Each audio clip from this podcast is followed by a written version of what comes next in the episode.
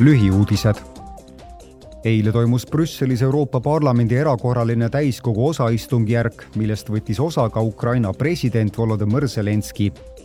täiskogu avas parlamendi president Roberta Metsola. oma avakõnes ütles ta järgmist. I am proud to say that this house rõõmu ja uhkusega võin öelda, et selle Euroopa Koja liikmed ja Euroopa Liit tervikuna on teid alati toetanud me saame väga hästi aru, et Ukraina ei võitle üksnes enda, vaid ka meie väärtuste eest. Need ideaalid seovad meid ühtseks perekonnaks. Need teevad meist eurooplased. sest Ukraina on Euroopa riik ja tema koht on Euroopa Liidus. president Metsola juhtis ka tähelepanu Ukraina valmidusele maavärinas kannatanud Türgit ja Süüriat aidata ta ütles järgmist. kui Türgit ja Süüriat tabas laastav maavärin, saatsite päästjaid, varustust ja oskusteavet. see on tõeline solidaarsus.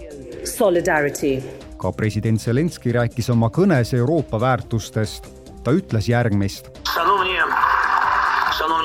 head Euroopa Liidu esindajad, head Euroopa liikmesriikide juhid sajad miljonid Euroopa inimesed tunnustavad Euroopa Liidu ja liikmesriikide esindajaid ning näevad neid ühtse tervikuna.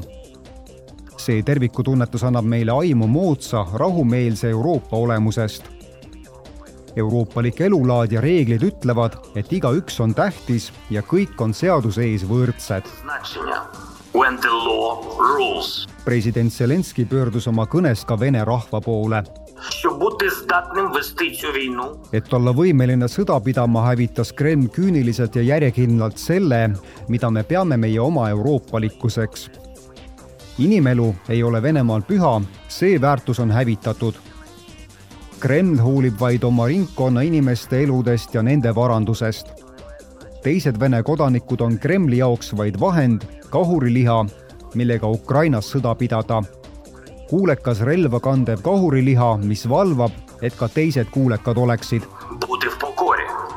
erakorraline täiskogu lõppes Ukraina ja Euroopa hümnide saatel. Euroopa Liit korraldab märtsis rahastajate konverentsi, et mobiliseerida rahvusvahelist abi maavärinas kannatanud Türgi ja Süüria toetuseks Brüsselis toimuva ürituse eesmärk on koordineerida katastroofile rahvusvahelist reageerimist parlamendifraktsioonide juhid kiitsid sel nädalal esimeeste konverentsil heaks president Metsola esitatud reformikava. reformi eesmärk on tugevdada parlamendi tõsiseltvõetavust, sõltumatust ja vastutust, kaitstes samal ajal parlamendiliikmete vaba mandaati. töö reformidega algab kohe, et tagada meetmete võimalikult kiire jõustumine